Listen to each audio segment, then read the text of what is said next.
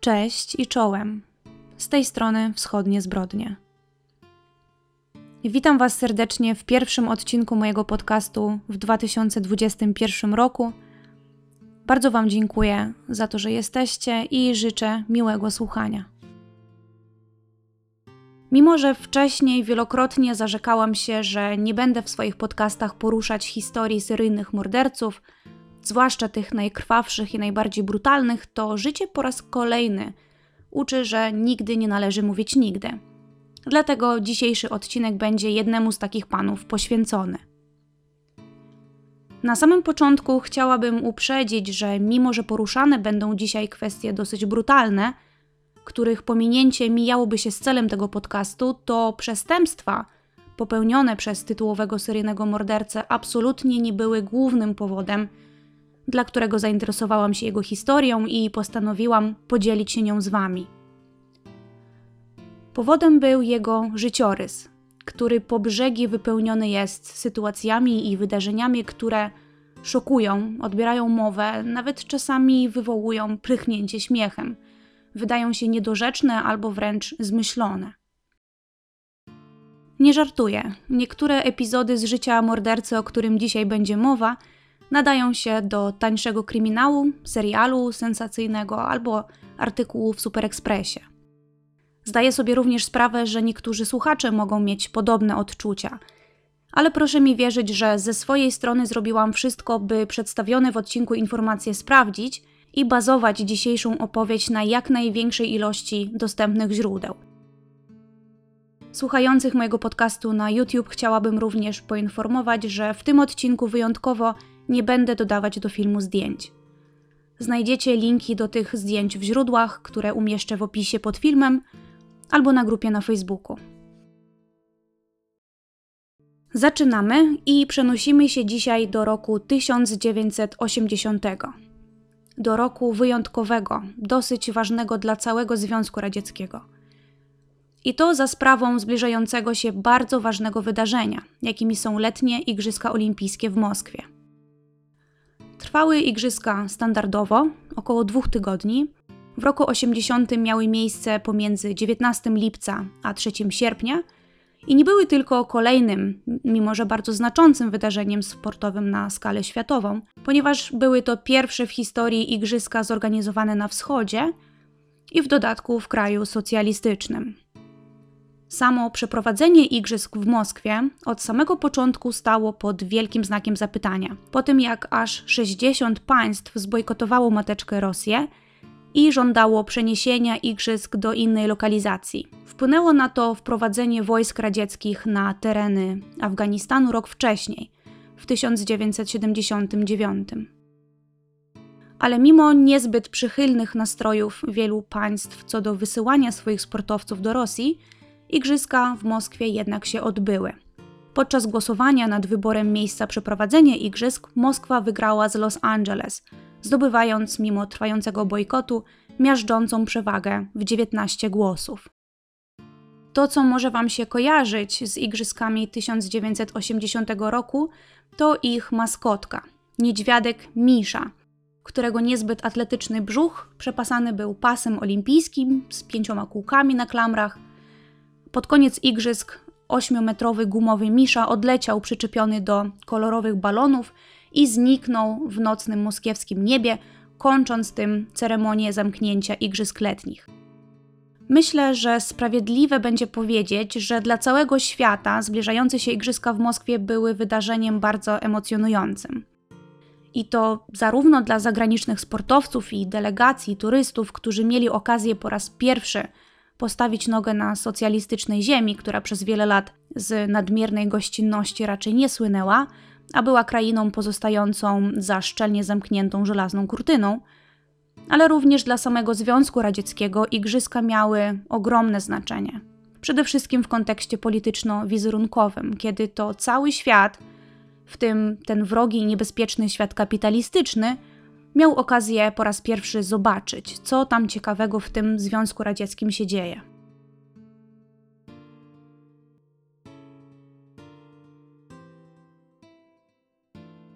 Zdecydowałam się na ten wstęp traktujący o igrzyskach, dlatego że ze względu na wagę całego wydarzenia oraz na potrzebę zapewnienia bezpieczeństwa zarówno obywateli, jak i wszystkich gości igrzysk, praktycznie całe zasoby milicji, a zwłaszcza zasoby bardziej doświadczone, zostały skierowane do Moskwy oczywiście, ale też do innych największych radzieckich miast, żeby odpowiednio zadbać o to, by te dwa bardzo emocjonujące tygodnie przebiegły spokojnie. I o ile jak najbardziej ma to sens i o poziom zabezpieczenia igrzysk można było się nie martwić, to dla mniej uprzywilejowanej części Rosji, tak zwanej prowincji, a część, jak wiemy, jest dosyć pokaźna, oznaczało to brak dostępnych mundurowych na miejscu w mniejszych miastach i wioskach na wypadek popełnienia jakiegoś przestępstwa lub wykroczenia. Na czas trwania igrzysk milicje zastąpiły ochotnicze oddziały składające się z młodzieży należącej do przeróżnych organizacji komsomolskich. A jako, że ani nie były one specjalnie przeszkolone, by strzec bezpieczeństwa w stopniu, w jakim pewnie robiłaby to milicja, pewnie też mieli ograniczone uprawnienia, to można było się spodziewać, że ten okres był bardzo sprzyjający rozkwitowi przestępczości. Dwa tygodnie przed oficjalnym rozpoczęciem letnich Igrzysk Olimpijskich w Moskwie, dokładniej 4 lipca 1980 roku, na jednej ze stacji kolejowych w małej miejscowości w pobliżu miasta Orzeł zatrzymał się pociąg dalekobieżny, trasa Charkow-Moskwa.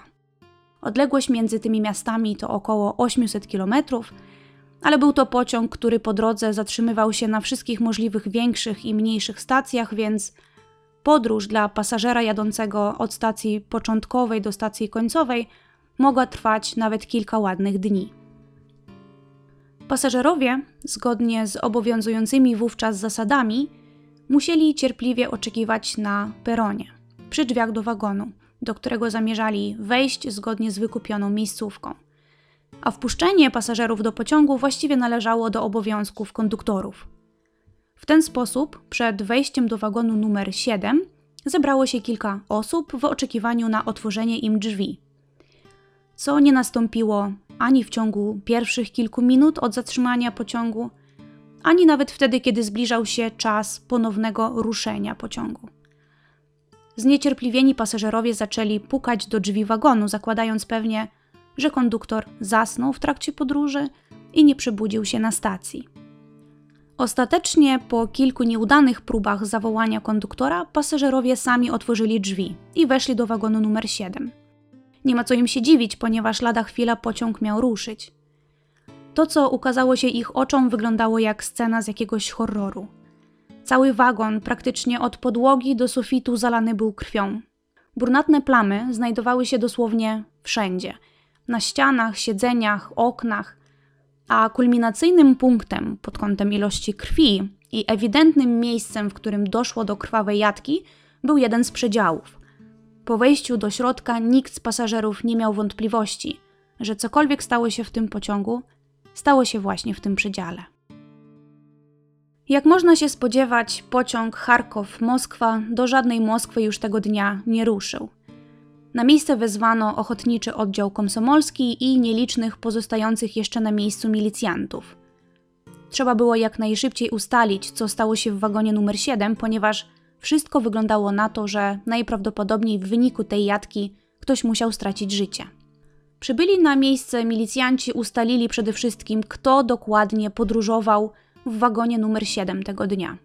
Nie było to trudne do zrobienia, ponieważ na czas trwania igrzysk wprowadzono dodatkowe ograniczenia i zwiększono kontrolę przemieszczania się obywateli pomiędzy miastami. Bilety kolejowe sprzedawane były rzadko.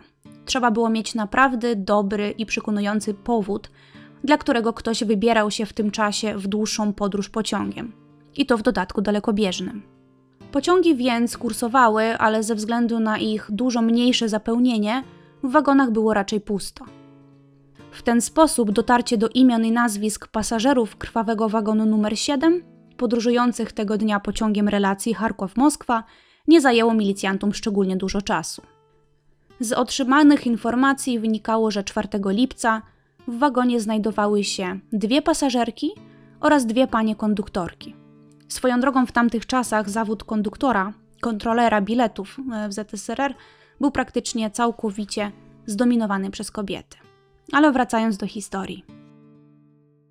Milicjanci przeszukują zakrwawiony wagon i w jednym z przedziałów, rozłożonego na kilku siedzeniach, znajdują śpiącego dosyć mocnym snem mężczyznę. Oczywiście go budzą, mężczyzna na początku nie za bardzo kontaktuje, nie wie gdzie jest i czego od niego chcą panowie w mundurach i wyraźnie jest na ciężkim kacu. Mężczyzną okazuje się być elektryk kolejowy Aleksander Przysłucki, który w noc z 3 na 4 lipca znalazł się w wagonie numer 7, ponieważ szukał pustego przedziału, żeby się przespać. I w ten sposób, rzekomo też po kilku głębszych i po ciężkim dniu pracy, po prostu zasnął. Przysłucki twierdził, że całą noc spał, o niczym nie wie, o żadnym ataku nie ma pojęcia, nie słyszał żadnych krzyków czy hałasów i sam wyglądał na zszokowanego całą sytuacją.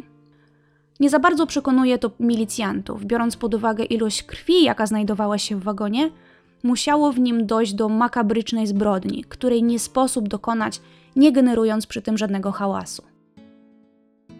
Do elektryka Przysłuckiego jeszcze wrócę, a tymczasem rozpoczęły się poszukiwania pasażerek oraz konduktorek znajdujących się tej nocy w wagonie, a po których ślad zaginął. Oczywiście podejrzewano, że kobiety padły ofiarami brutalnego morderstwa, do którego musiało dojść w pociągu. Zmasakrowane ciała wszystkich czterech zostały odnalezione na torach kolejowych pomiędzy stacjami Stalno i Koń oraz Stanowy Kołodziec w okolicach miasta Orzeł na terenie rozległym o 29 km. Milicja nie miała najmniejszych wątpliwości, że kobiety zostały brutalnie napadnięte, zamordowane, najprawdopodobniej przy użyciu noża oraz wyrzucone przez okno lub drzwi jadącego pociągu. Wszystkie ciała miały na sobie sporo głębokich ran kłutych oraz ślady wykorzystania seksualnego. W dodatku były obrabowane z pieniędzy, biżuterii i innych przedmiotów wartościowych, które miały ze sobą w podróży. Motywem zbrodni więc był zarówno motyw seksualny, jak i rabunkowy. W dodatku jedna z pasażerek okazała się być dla sprawcy lub sprawców wyjątkowo łakomym kąskiem. Otóż jedna z ofiar była, posługując się sowiecką nowomową, spekulantką, czyli pani zawodowo zajmowała się wywożeniem zakupionych w stolicy kamieni szlachetnych czy biżuterii na prowincję i tam realizowała je dużo drożej. Dlatego też sprawca lub sprawcy po dokonaniu zbrodni zabrali ze sobą dość pokaźny łup. I w zasadzie to wszystkie informacje i ślady, jakie milicjanci mieli do dyspozycji na początkowym etapie śledztwa. Pytanie podstawowe: kto mógł stać za tak okrutnym, brutalnym, masowym morderstwem czterech niewinnych kobiet? W jaki sposób dostał się do wagonu, skoro nie było na liście pasażerów nikogo oprócz czterech zamordowanych kobiet? Czy sprawca mógł być sam, czy było ich więcej? Przy czym zakładano początkowo, że musiało być co najmniej dwóch sprawców. Mimo, że ofiary były kobietami, to istniała szansa, że gdyby na miejscu zbrodni działał jeden morderca, to przynajmniej jednej ofierze udałoby się ujść z życiem. No i najważniejsze, w jaki sposób sprawca lub sprawcy opuścili miejsce zbrodni i gdzie obecnie należy ich szukać. Ponieważ oprócz czterech zamordowanych w brutalny sposób kobiet w wagonie nie było innych pasażerów, to przede wszystkim podejrzenia padły na elektryka Przysłuckiego, którego wersja o tym, że spał jak kamień i nie słyszał żadnych odgłosów morderstwa, które de facto miały miejsce za ścianą, no umówmy się, nie brzmiała zbyt wiarygodnie. Ponieważ na butach elektryka znaleziono ślady krwi ofiar, to szybko stał się on podejrzanym numer jeden, mimo że dalej twierdził, że nie miał nic wspólnego z atakiem na kobiety w pociągu. A że zbliżały się wielkimi krokami igrzyska, a w dodatku sprawa była bardzo głośna, to milicji zależało na jak najszybszym rozwiązaniu sprawy i ukaraniu sprawcy. W końcu nie można było pozwolić na to, by w oczach gości zagranicznych Związku Radzieckiego w kraju mają miejsce tak makabryczne zbrodnie, a służby bezpieczeństwa nie są w stanie ująć bestii z pociągu w stosunkowo krótkim czasie. Pojawiły się nawet plotki, że rzeźnia w pociągu to planowany atak realizowany przez szpiegów zachodnich mających na celu zrujnować przeprowadzenie igrzysk w Moskwie. Jak to już wcześniej bywało w tego typu sytuacjach, milicja dość mocno wzięła się za pana elektryka, któremu za wszelką cenę próbowała udowodnić jego bezpośredni związek ze sprawą. Milicjanci, którym bardzo zależało na złożeniu raportu o ujęciu sprawcy brutalnego mordu, według jednego ze źródeł posunęli się nawet do sfałszowania dowodów przeciwko Przysłuckiemu. Ponoć jego buty specjalnie zostały poplamione krwią ofiar, co wskazywałoby na to, że po ataku Przysłucki chodził po zakrwawionym wagonie. W ten sposób uzyskanie od niego przyznania się do winy byłoby zapewne łatwiejsze.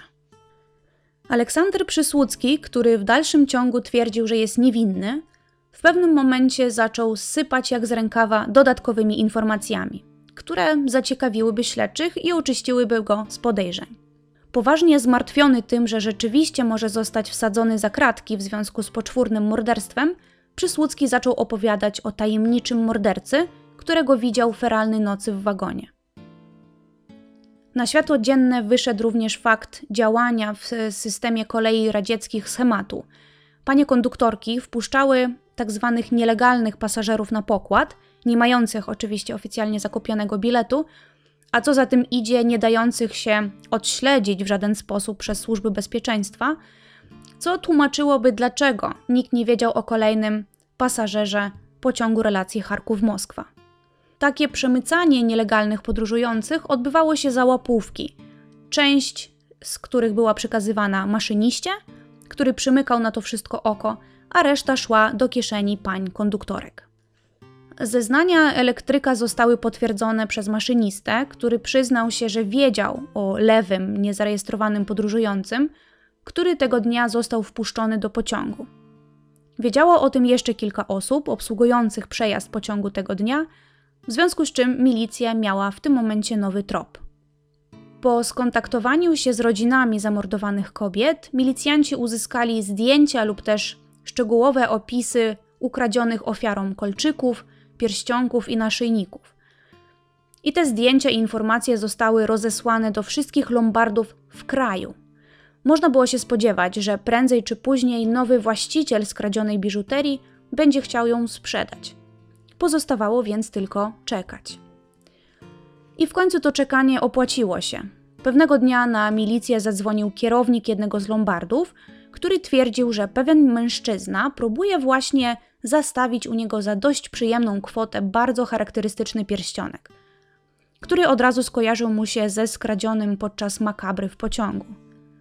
Sprytny kierownik Lombardu kazał mężczyźnie zaczekać, a sam wezwał na miejsce patrol, który dokonał zatrzymania.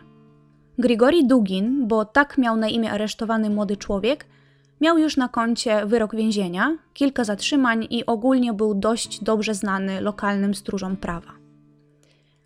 Dugin natomiast również twierdził, że nie ma nic wspólnego z morderstwami i że w posiadanie pierścionka wszedł przypadkowo.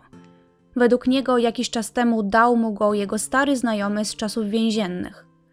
W ten sposób po raz pierwszy, dokładnie 8 lipca 1980 roku, cztery dni po morderstwie, milicja dzięki uprzejmości zatrzymanego Dugina otrzymała imię i nazwisko mordercy z pociągu dalekobieżnego. Okazał się nim być zaledwie 22-letni młody mężczyzna Anatolij Nagijew, którego sylwetkę Wam przedstawię i postaram się to zrobić jak najbardziej szczegółowo, ponieważ moim zdaniem Nagijew mimo dość młodego wieku miał wyjątkowo bogatą biografię. Anatolij urodził się w 1958 roku w mieście Angarsk w powiecie irkuckim. Jeśli wydaje Wam się nazwa tego miasta znajoma, to nic dziwnego, ponieważ jest to miejsce, w którym lata później działał jeden z najbardziej znanych i skutecznych seryjnych morderców Rosji, Michał Popkow, który na swoim koncie miał aż 73 ofiary śmiertelne. Tyle przynajmniej jemu udowodniono, a według słów samego Michaiła mogło ich być nawet 83. Wróćmy do Nagijewa. Anatolij był synem Kazaszki i Dagestańczyka, miał również brata i siostrę, a kiedy miał 5 lat, to jego ojciec postanowił opuścić rodzinę i od tamtego czasu Tole i jego rodzeństwo wychowywała jedynie matka, a rodzina musiała przeprowadzić się z miasta do zabitej dechami wsi w obwodzie kurskim. Tola Nagijew od najmłodszych lat był dość problematycznym dzieckiem. Nigdy nie czuł żadnej więzi z rodziną, a w dodatku nienawidził rutyny i spokojnego wiejskiego życia. Bardzo często uciekał z domu, w szkole nie osiągał raczej większych sukcesów edukacyjnych, a w dodatku często bywał agresywny. Wszystkie konflikty rozwiązywał przemocą, często bił się z rówieśnikami. Koledzy z klasy i podwórka otwarcie bali się Toli, ponieważ każda zaczepka z jego strony kończyła się bójką, a z każdej bójki Tola wychodził zwycięsko. Głównie dlatego, że był szybki, silny i wysportowany. To, co jest dla mnie zaskakujące, to to, że w wieku nastoletnim Nagijew wymyślił dość nietypowy plan na własną przyszłość. Zamierzał dostać się na akademię cyrkową i występować jako atleta cyrkowy na scenie. Według źródeł wybór takiej ścieżki faktycznie był w tamtych czasach raczej nieoczywisty dla młodych ludzi. Ale Tola podszedł do tematu całkiem poważnie. Trenował gimnastykę i ciężką atletykę, co sprawiło, że już w wieku 15 lat Nagijew był bardzo silny, wysportowany i dobrze zbudowany i umięśniony. Nikt nie zadzierał się stolą i każdy wiedział, że wkurzony może poważnie okaleczyć przeciwnika. I to mimo całkiem charakterystycznego wyglądu, bo miał wyłopiaste oczy i był dużo niższy od większości przeciwników, bo Anatolii osiągnął zaledwie 157 cm wzrostu. Jeśli chodzi o jego relacje z płcią przeciwną w okresie dojrzewania, to znalazłam informacje sprzeczne ze sobą. Jedne mówią, że Tola w relacjach z dziewczynami bardzo się starał, był czarujący i miły, ale mimo to jego zaloty ciągle były przez koleżanki odrzucane. Być może z powodu niskiego wzrostu albo jego reputacji rozwiązywania każdego konfliktu siłą, do końca nie wiadomo, być może chodziło o jedno i drugie. Z kolei inne źródła mówią o tym, że już będąc w liceum, Anatolij Nagijew czuł dość silny popęd seksualny, czego w próbach zapoznania jakiejś dziewczyny w ogóle nie ukrywał. A nawet jeśli któraś dawała Toli szansę, to próby zaspokojenia swoich potrzeb realizował znowu za pomocą siły fizycznej. Tłumacząc to tym, że na wsi, w której dorastał i mieszkał, cytat, każdy tak robił i z kobietami się nie cackano. Niezależnie od tego, jak było naprawdę, wiadomo, że żadnego prawdziwego związku e, w latach nastoletnich Nagijewowi nie udało się zbudować. A już w roku 1975, kiedy Tola ukończył edukację szkolną i miał zaledwie 17 lat, popełnił swoje pierwsze przestępstwo na tle seksualnym. Jego ofiarą była laborantka szkoły zawodowej, która wpadła w oko Anatoliowi, ale jego uczuć nie odwzajemniła. W maju 75 roku Nagijew, mimo sprzeciwu ze strony swojej wybranki, zmusił ją do stosunku. Laborantka, mimo że była kilka lat starsza od Toli, bała się jednak zgłosić ten fakt na milicję. Według jednego ze źródeł nie zrobiła tego dlatego, że obawiała się kolejnego aktu agresji ze strony Anatolija, gdyby się o takim zgłoszeniu dowiedział. W ten sposób pierwsze poważne przestępstwo Nagijewa rozeszło się po kościach i siedemnastolatek nie poniósł w związku z tym żadnej kary. Już miesiąc później sytuacja się powtórzyła. Kolejna młoda kobieta padła ofiarą Nagijewa i również nie zgłosiła gwałtu na milicję. Dopiero trzecia jego ofiara, znajoma Toli z czasów szkolnych, po tym jak były kolega z klasy brutalnie ją zgwałcił, postanowiła mimo strachu przed oprawcą opowiedzieć wszystko milicjantom. Siedemnastolatek za popełnienie tego przestępstwa otrzymał wyrok 6 lat pozbawienia wolności i został wysłany do odbywania kary w kolonii karnej w Republice Komi w północno-zachodniej części Rosji. Sytuacja Anatolija w więzieniu była na pierwszy rzut oka nie do pozazdroszczenia. Był młody, niski, a w dodatku trafił za kraty za popełnienie naprawdę obrzydliwego czynu – co w warunkach więziennych oznaczałoby dla Toli, delikatnie rzecz ujmując, nieciekawe doświadczenie ze współwięźniami. Już pierwszego dnia w więzieniu współosadzeni postanowili pokazać Anatoliowi, że lubiany przez kolegów raczej nie będzie. Więźniowie otoczyli nastolatka, chcąc chłopaka dość mocno pobić i najprawdopodobniej zgwałcić, ale wtedy wydarzyła się rzecz prawie niemożliwa – Drobny Nagijew postawił się grupie bandytów i kryminalistów i zrobił to z tak niewyobrażalną agresją i wściekłością, wręcz zamienił się w bezwzględną bestię, walczył i bronił się tak zaciekle, że w końcu współosadzeni dali mu spokój i już nigdy nie próbowali ruszyć go palcem. Podczas odbywania kary za gwałt, Nagijew, dzięki temu jak umiał się obronić i kilku innym sytuacjom, w których pokazał się z brutalnej strony, otrzymał całkiem wymowny pseudonim Wściekły, pod którym był później znany zarówno milicji, jak i osobom współświadka. Mimo wybuchowego charakteru i gotowości stanięcia do walki w każdej sekundzie, w więzieniu Tola zachowywał się raczej spokojnie i kulturalnie. Podejrzewam, że do czasu, aż któryś nie próbował się z nim zadzierać. Odnalazł się w środowisku więziennym, miał dobre układy zarówno z odbywającymi karę przestępcami, jak i z administracją więzienną, według której Tola był na dobrej drodze, żeby w najbliższej przyszłości wyjść na wolność i rozpocząć nowe życie. Na początku 1979 roku Anatolij Nagijew został przeniesiony do zakładu karnego typu otwartego w wiosce Ciszkino, gdzie 21-letni wtedy młody mężczyzna zatrudnił się przy wyrębie lasów. A korzystając z możliwości swobodnego przemieszczania się, na które zezwalał zakład, Anatolij często jeździł pociągiem do położonego 32 km dalej miasta Pieczora – w którym miał znajomych i przyjaciół i których często odwiedzał. Wydawać by się mogło, że zgodnie z oczekiwaniami administracji więziennej, Nagijew faktycznie miał wszystkie szanse, by skończyć z przeszłością kryminalną i wyjść na prostą. Niestety, ale od momentu zamieszkania w otwartym zakładzie karnym rozpoczął się najczarniejszy okres w życiu Anatolija. W tym samym roku mężczyzna poznał w pociągu do Pieczar młodą kobietę, która nie rozpoznała niestety w niskim, ale czarującym mężczyźnie brutalnego gwałciciela, i która, niestety dla siebie, zaprosiła go do swojego mieszkania. Nadany w więzieniu pseudonim Wściekły, a razem z nim i straszna brutalność, którą nosił w sobie Tola, zwiastowały najgorsze, bo nowo poznana kobieta została przez niego zamordowana, zgwałcona po śmierci i porzucona we własnym mieszkaniu. Przez kilka pierwszych dni po zabójstwie kobiety Anatolij podskakiwał wystraszony, słysząc każdy najmniejszy szelest, przekonany o tym, że wkrótce zostanie złapany. Ale o dziwo, to przestępstwo, a było to w karierze przestępczej wściekłego pierwsze pozbawienie kogoś życia, znowu uszło mężczyźnie na sucho. Niedługo później Nagijew wypracował swój własny sposób na bezpieczne podróżowanie pociągiem incognito, bez konieczności kupowania biletu i rejestrowania tras, którymi się kierował.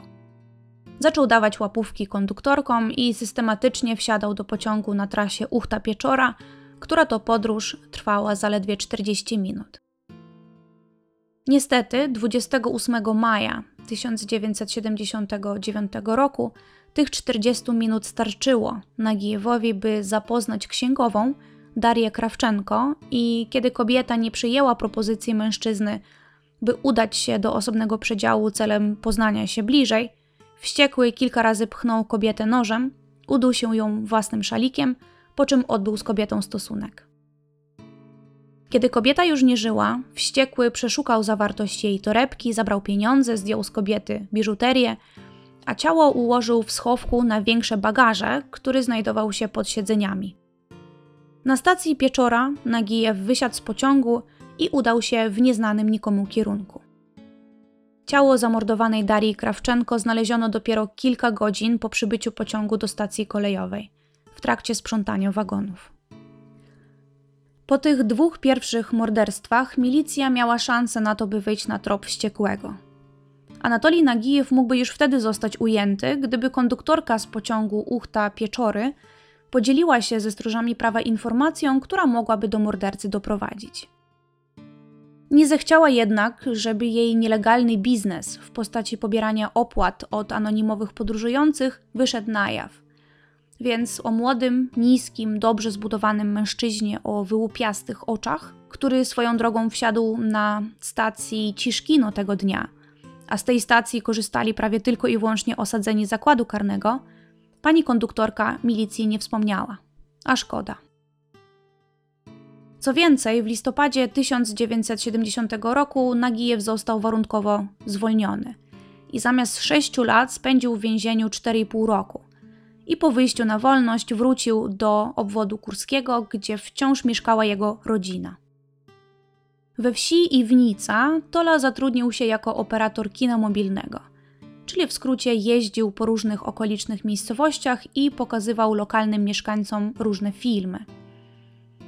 Znakomita praca, jak na upodobania i styl życia wściekłego, ponieważ teraz oficjalnie mógł spędzać dużo czasu poza swoim miejscem zamieszkania i nikomu nie musiał się z tego tłumaczyć. Niestety spowodowało to totalne rozbestwienie się wściekłego. Atakował młode kobiety, gwałcił je, rabował, ale na szczęście wtedy pozostawiał je przy życiu. W ciągu około 10 miesięcy, według nieoficjalnych danych, na koncie Anatolija było około 30 ataków na kobiety. Ten okres zwiększonej aktywności przestępczej wściekłego zwieńczył się właśnie w nocy z 3 na 4 lipca 1980 roku, kiedy Anatolij, wręczając kolejną łapówkę pani konduktor w pociągu dalekobieżnym na trasie Charkow-Moskwa, anonimowo wsiadł do pociągu numer 7 i brutalnie zamordował cztery osoby, dwie pasażerki i dwie konduktorki. Między innymi właśnie tą, która przyjęła od Nagijewa nielegalną opłatę za przejazd. Wracamy zatem do historii, którą rozpoczęłam ten odcinek, czyli do milicjantów, którzy wreszcie dowiedzieli się od zatrzymanego w Lombardzie mężczyzny imię mordercy, który pozbawił życia cztery osoby w pociągu. Pamiętacie pana elektryka, którego milicjanci znaleźli śpiącego w zakrwawionym wagonie? Kiedy Aleksander Przysłucki dowiedział się, że milicjanci trafili wreszcie na ślad faktycznego sprawcy morderstw, a on został już skreślony z listy podejrzanych, to nabrał odwagi.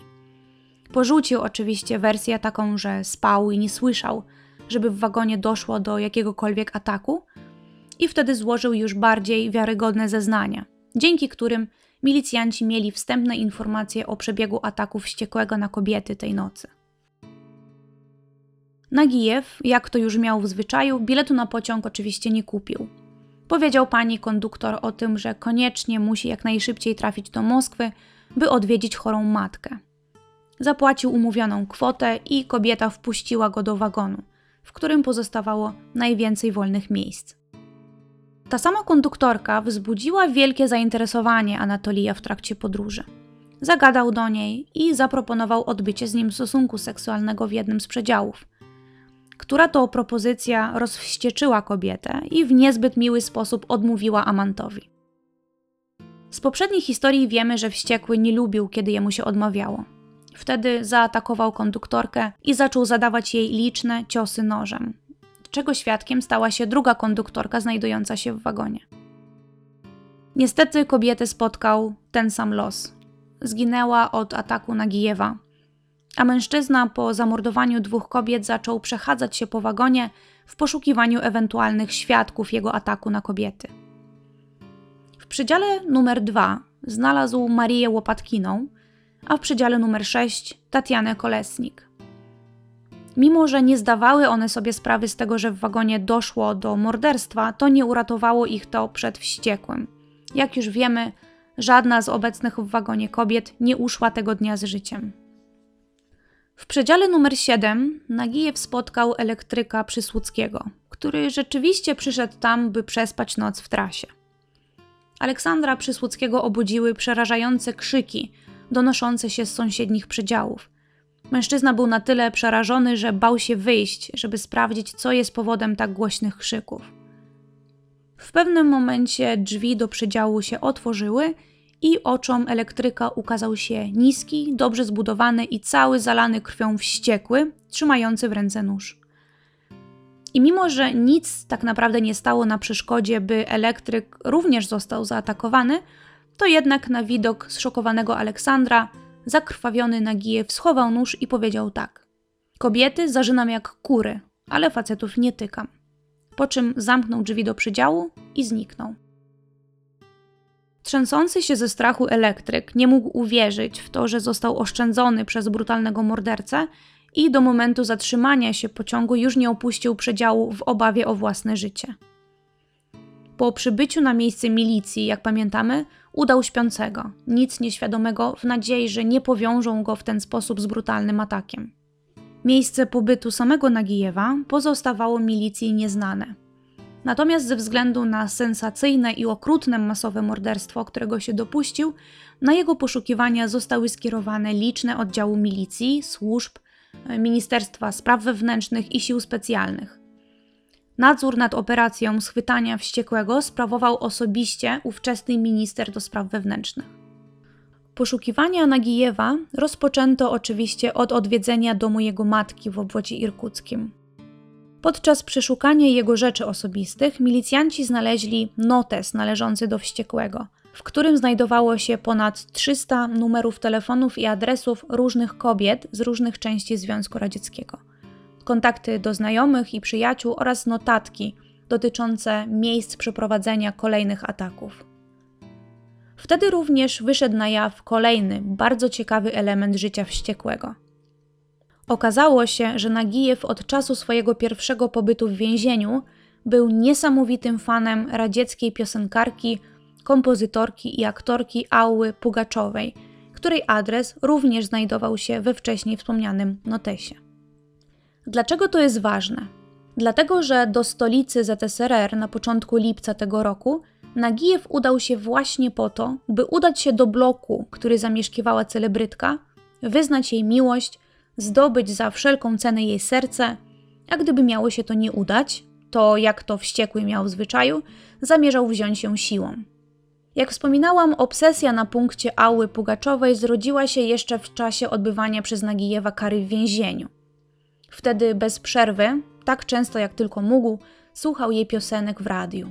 Obecnie uznawana za ikonę piosenki rosyjskiej, pod koniec lat 70., początku lat 80., młoda Ała dopiero stawała się popularna i zdobywała coraz większą rzeszę fanów. Dla wściekłego Ała Pugaczowa była ideałem kobiety. Miała w sobie wszystko, czego on, według samego Nagijewa oczywiście, poszukiwał w kobiecie. Ała Pugaczowa, jeśli wam to imię nic nie mówi, jest uznawana rzeczywiście za taką nieoficjalną królową rosyjskiej sceny muzycznej. Pisze piosenki, śpiewa właściwie od połowy lat 60. aż do dziś. Porusza się głównie w nurcie piosenki autorskiej i rockowej, a serca słuchaczy zdobyła dzięki charakterystycznej chrypce w głosie, mimo głosu o imponującej rozpiętości trzech oktaw. Obecnie ma 71 lat, ma na koncie niezliczoną ilość napisanych oraz nagranych piosenek, koncertów, również ogromną ilość przeróżnych nagród i wyróżnień i o 27 lat młodszego męża, bo czemu by nie? Myślę, że można by było narysować pewną paralelę między Ałą Pugaczową a Marylą Rodowicz, ponieważ obie panie, które zresztą są w podobnym wieku, mają, myślę, podobny status. Jedna w Rosji, druga w Polsce – i obie są przynajmniej raz do roku odmrażane do najważniejszych wydarzeń muzycznych z udziałem największych gwiazd. W latach 80. właśnie Ała Pugaczowa stała się w ZSRR obiektem swoistego kultu nawet. Naprawdę ciężko było wtedy o większą celebrytkę, gwiazdę i obiekt westchnień męskiej części społeczeństwa. W tym niestety też Anatolija Nagijewa. Tymczasem wściekły oczywiście był już w stolicy w wiadomym celu planował udać się do miłości swojego życia i zdobyć jej serce. Znalezienie adresu królowej radzieckiej sceny muzycznej nie było w tamtych czasach aż takie trudne, ponieważ na przełomie lat 70. i 80. nie istniało jeszcze elitaryzowanie celebrytów. Rzecz się działa w państwie socjalistycznym, więc wierzyło się, że wszyscy jesteśmy równi, przynajmniej w teorii. Dlatego Ała Pugaczowa mieszkała w takim zwyczajnym, być może trochę nowszym bloku, przy ulicy Maksima Gorkiego w stolicy, gdzie przed wejściem do klatki 24 godziny na dobę stali jej fani z kwiatami, wyczekując na moment, kiedy się pojawi i będą mogli zobaczyć gwiazdę na żywo. Wściekły, który przy sobie miał zarówno bukiet kwiatów dla swojej wymarzonej kobiety idealnej, jak i nóż, podejrzewam, że był przygotowany na każdy możliwy przebieg danego spotkania, doczekał się, aż Ała będzie wchodziła do klatki wracała skądś do domu i w momencie, kiedy piosenkarka otworzyła drzwi do klatki, to Nagijew, który zachowywał się wtedy bardzo pewnie, jakby sam mieszkał w tym bloku, podążył za nią, przez nikogo nie zatrzymany, zdążył przytrzymać za nią drzwi wejściowe do klatki i wszedł do środka. Wszystkich obecnych, jak również samą Auę, mogło nie zdziwić jego nagłe pojawienie się pod klatką, ponieważ według świadków nie wyglądał na jakiegoś psychofana Pugaczowej, tylko wszedł za nią na pewniaka do bloku i zniknął za drzwiami. Więc nikt nic podejrzanego w tej sytuacji nie zaobserwował. Nie wiem, gdzie były kwiaty, może schował pod kurtką, nie mam pojęcia. Aua Pugaczowa skierowała się do windy, a zakochany adorator udał się za nią, żeby właśnie w windzie wyznać jej miłość, wierność i zdobyć jej serce. Ale wtedy dzieje się rzecz niespodziewana, której wściekły absolutnie nie przewidział. Drogę mu zachodzi starsza pani, dozorczyni tej właśnie klatki schodowej, zawód w czasach ZSRR bardzo poważany, na tyle ważny, że określany był wyrafinowanym słowem concierge, które obecnie oznacza coś zupełnie innego. I ta starsza pani dosyć stanowczo pyta go: Drogie panie, a pan to do kogo? Ta sytuacja, choć na pierwszy rzut oka całkiem niewinna, zupełnie wytrąciła wściekłego z równowagi. Nie wiadomo, czy rozważał wówczas atak na tą babuszkę, a nawet jeśli, to i tak tego nie zrobił, tylko obdarzył ją bardzo groźnym spojrzeniem, odwrócił się na pięcie i uciekł. Być może pohamował swoją naturalnie występującą agresję w takich sytuacjach, po tym jak zdał sobie sprawę, że po pierwsze babuszka może zacząć krzyczeć, a przed klatką bez przerwy stoi tłum ludzi wyczekujących na aulę, a i milicja lubi tu często zaglądać, żeby upewnić się, że gwiazda jest bezpieczna. W ten sposób czujna babuleńka dozorczyni być może uratowała życie radzieckiej celebrytki. Kto wie, jakby mogło się to skończyć, biorąc pod uwagę, ile ofiar na swoim koncie miał wówczas wściekły. Milicja w tym czasie bardzo intensywnie go poszukuje. Swoją drogą nie do końca rozumiem, dlaczego nie wpadli na to, by szukać go w Moskwie i właśnie nie szukać go w okolicach bloku, w którym mieszkała Pugaczowa. W każdym razie na milicję wpływają różne donosy, bez przerwy dzwonią telefony, że ktoś wściekłego widział tu i tam.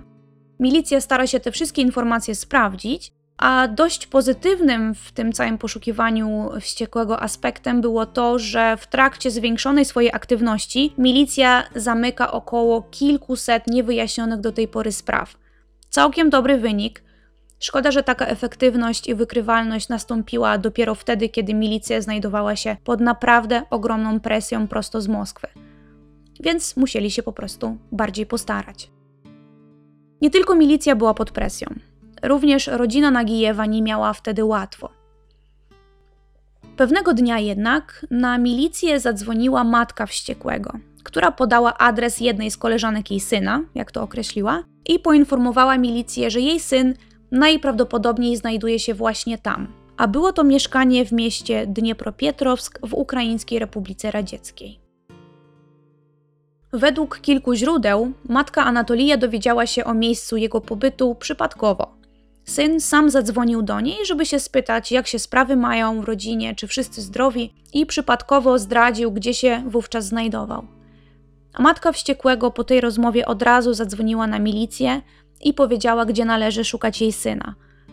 Według kilku źródeł sama bardzo się bała swojego syna, tak samo bała się wściekłego jego siostra, którą rzekomo również miał kiedyś zgwałcić. 12 września 1980 roku Anatolij Nagijew został aresztowany. W dodatku akcja zatrzymania wściekłego naprawdę zasługuje na uwagę. Kiedy milicja miała już dokładny adres w Dniepropietrowsku, pod którym należy szukać wściekłego, to doczekali się nocy, podjechali pod blok wozem strażackim po cichu. Część detektywów biorących udział w zatrzymaniu wspięła się po drabinie, by dostać się na balkon mieszkania – a drudzy w tym czasie po cichu weszli do bloku i przygotowywali się do wejścia mm, do mieszkania przez drzwi wejściowe. Wściekły, który absolutnie nie miał pojęcia, że milicja mogłaby trafić na miejsce jego pobytu, był w szoku. Nie buntował się jakoś specjalnie i właśnie tego dnia, 12 września, na jego nadgarstkach zacisnęły się kajdany i został on przewieziony do aresztu tymczasowego. Dalej zaczyna się jazda bez trzymanki. Wściekły absolutnie nie chce rozmawiać ze śledczymi, nie przyznaje się do winy, jest twardy i stanowczy.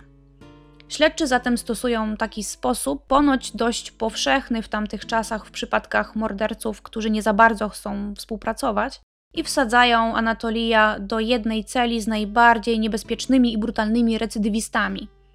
którzy mieli, delikatnie rzecz ujmując, przekonać zatrzymanego, by zaczął mówić i w ten sposób pomóc śledczym, wydobyć od Nagijewa przyznanie się do winy albo chociaż jakąkolwiek informację, w zamian, jak rozumiem, za może łagodniejsze traktowanie, czy może dodatkową paczkę papierosów, czy możliwość wykonania dodatkowego telefonu do rodziny. Najwyraźniej śledczy nie do końca zdawali sobie sprawę z tego, że pseudonim wściekły nie wziął się znikąd, a niski wzrost zatrzymanego wcale nie świadczy o jego bezbronności.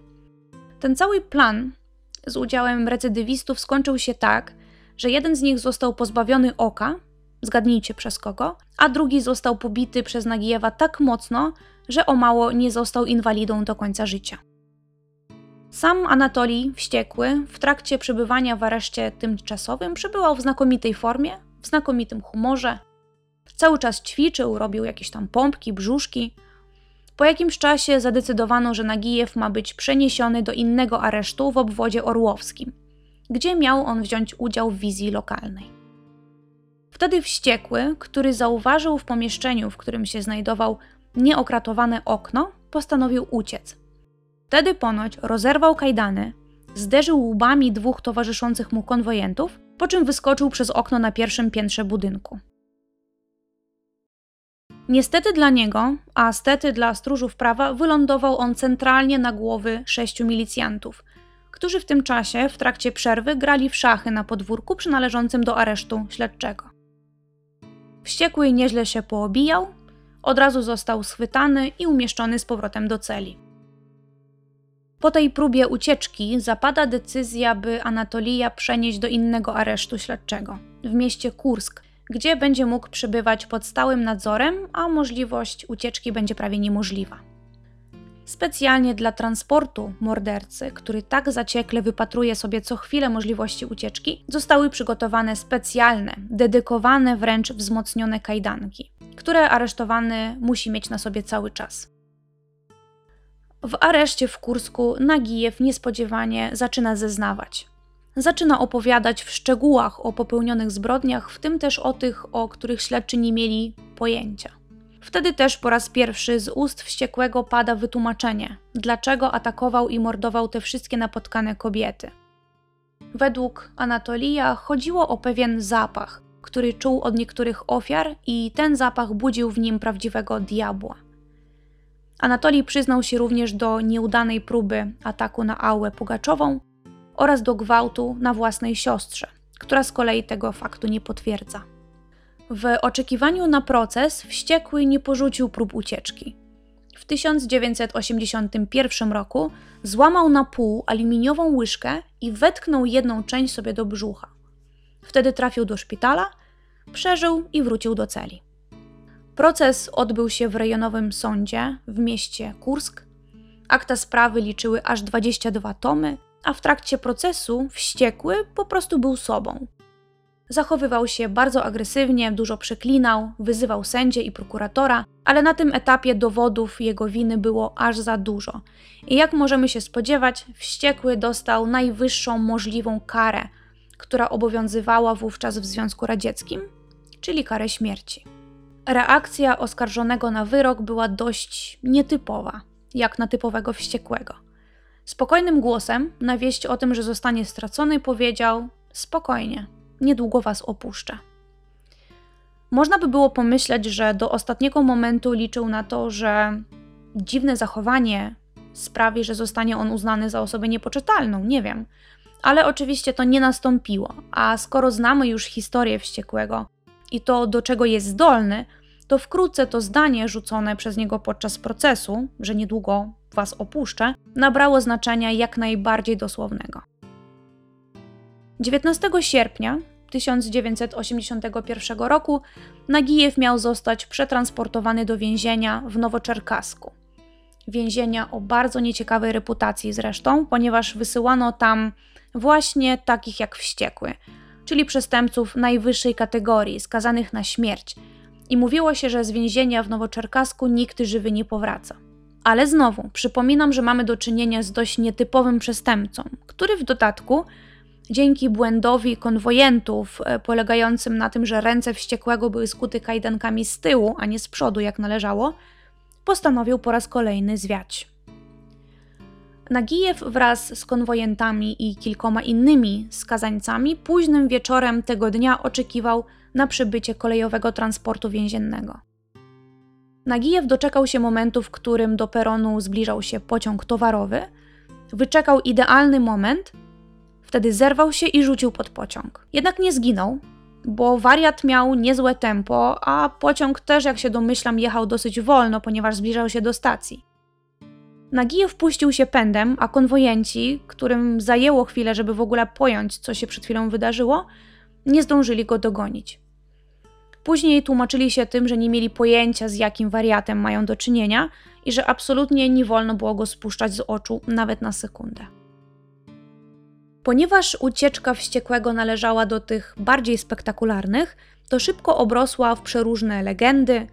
Bez przerwy coś do tej historii dodawano czy wyolbrzymiano, ale wspomnę tutaj o jednej z wersji ucieczki wściekłego, która również dosyć często przewija się w źródłach, na wypadek jakby ktoś właśnie natrafił na zupełnie inną wersję wydarzeń.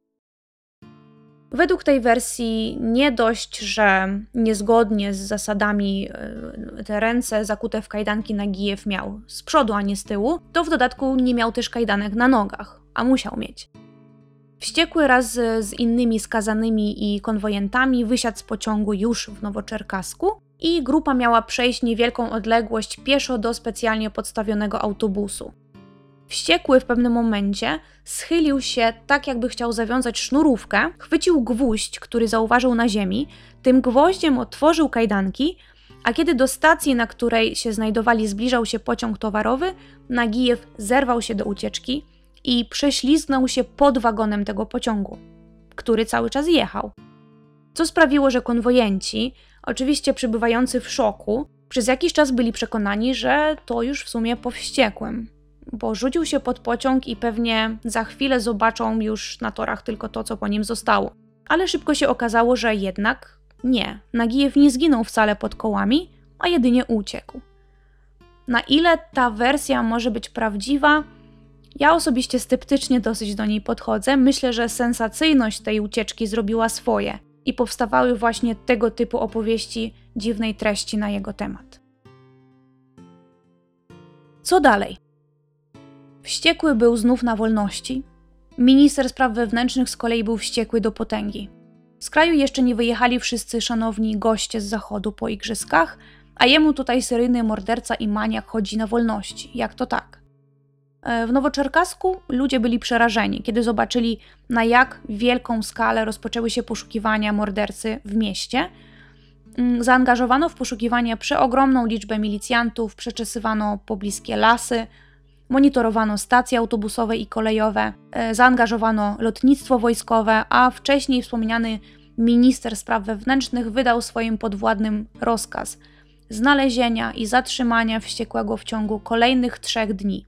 Koniec, kropka. Niestety, niezależnie od tego, jak groźnie by nie brzmiał ten rozkaz, to w ciągu trzech dni nie został on wykonany bo Nagijew był poszukiwany przez cały miesiąc. A w tym czasie, w wyniku bardzo intensywnej pracy milicji, udało się rozwiązać kolejne 600 wcześniej nierozwiązanych spraw kryminalnych. Po raz kolejny sprawdzano wszystkich krewnych i znajomych mordercy. Znowu po kolei sprawdzono każdy adres, każdy telefon zapisany w jego notesie nic.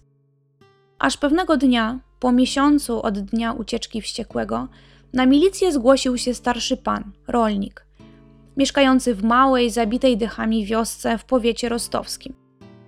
I ten starszy pan poinformował milicjantów, że niepokoi go pewna rzecz.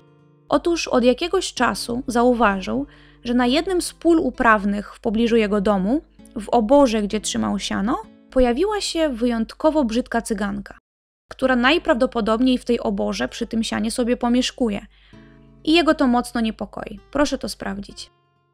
Nie do końca rozumiem, dlaczego to zgłoszenie rzeczywiście zainteresowało milicjantów, ale postanowili się tam udać. Nie wiem, czy w celu wylegitymowania jej, czy, e, czy podejrzane było dla nich to, że cyganka sobie tak właśnie mieszka samotnie, bez taboru.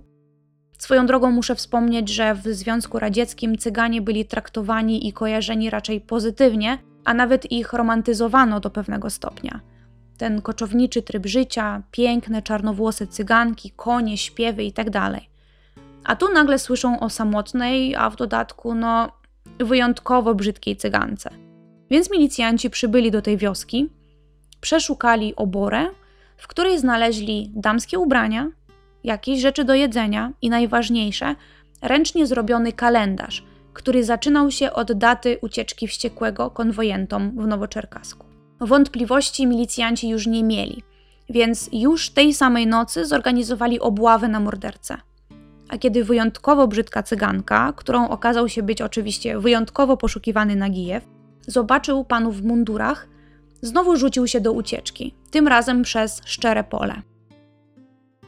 Panowie milicjanci, którzy byli już w stu procentach pewni, że mają tego, kogo tak intensywnie poszukiwali przez kilka ostatnich tygodni, zaczęli w kierunku uciekającego wściekłego strzelać. Według źródeł aż 15 kul trafiło uciekiniera, który, mimo że spod spódnicy nagle wyciągnął strzelbę i próbował się bronić, to ostatecznie padł na ziemię i w ten sposób po raz kolejny trafił do aresztu. Co prawda, najpierw trafił do szpitala więziennego, gdzie przeszedł kilka bardzo skomplikowanych operacji, bo rany po kulach były dosyć niebezpieczne. Mimo wszystko, życie wściekłego udało się uratować, i kiedy życiu Nagijewa już nic nie zagrażało, został on przewieziony do więzienia w Nowoczerkasku. Po drodze próbował oczywiście zaatakować milicjanta, w nadziei, że za ten czyn usłyszy kolejne zarzuty, dzięki czemu odroczy wykonanie kary śmierci, na którą cały czas czekał.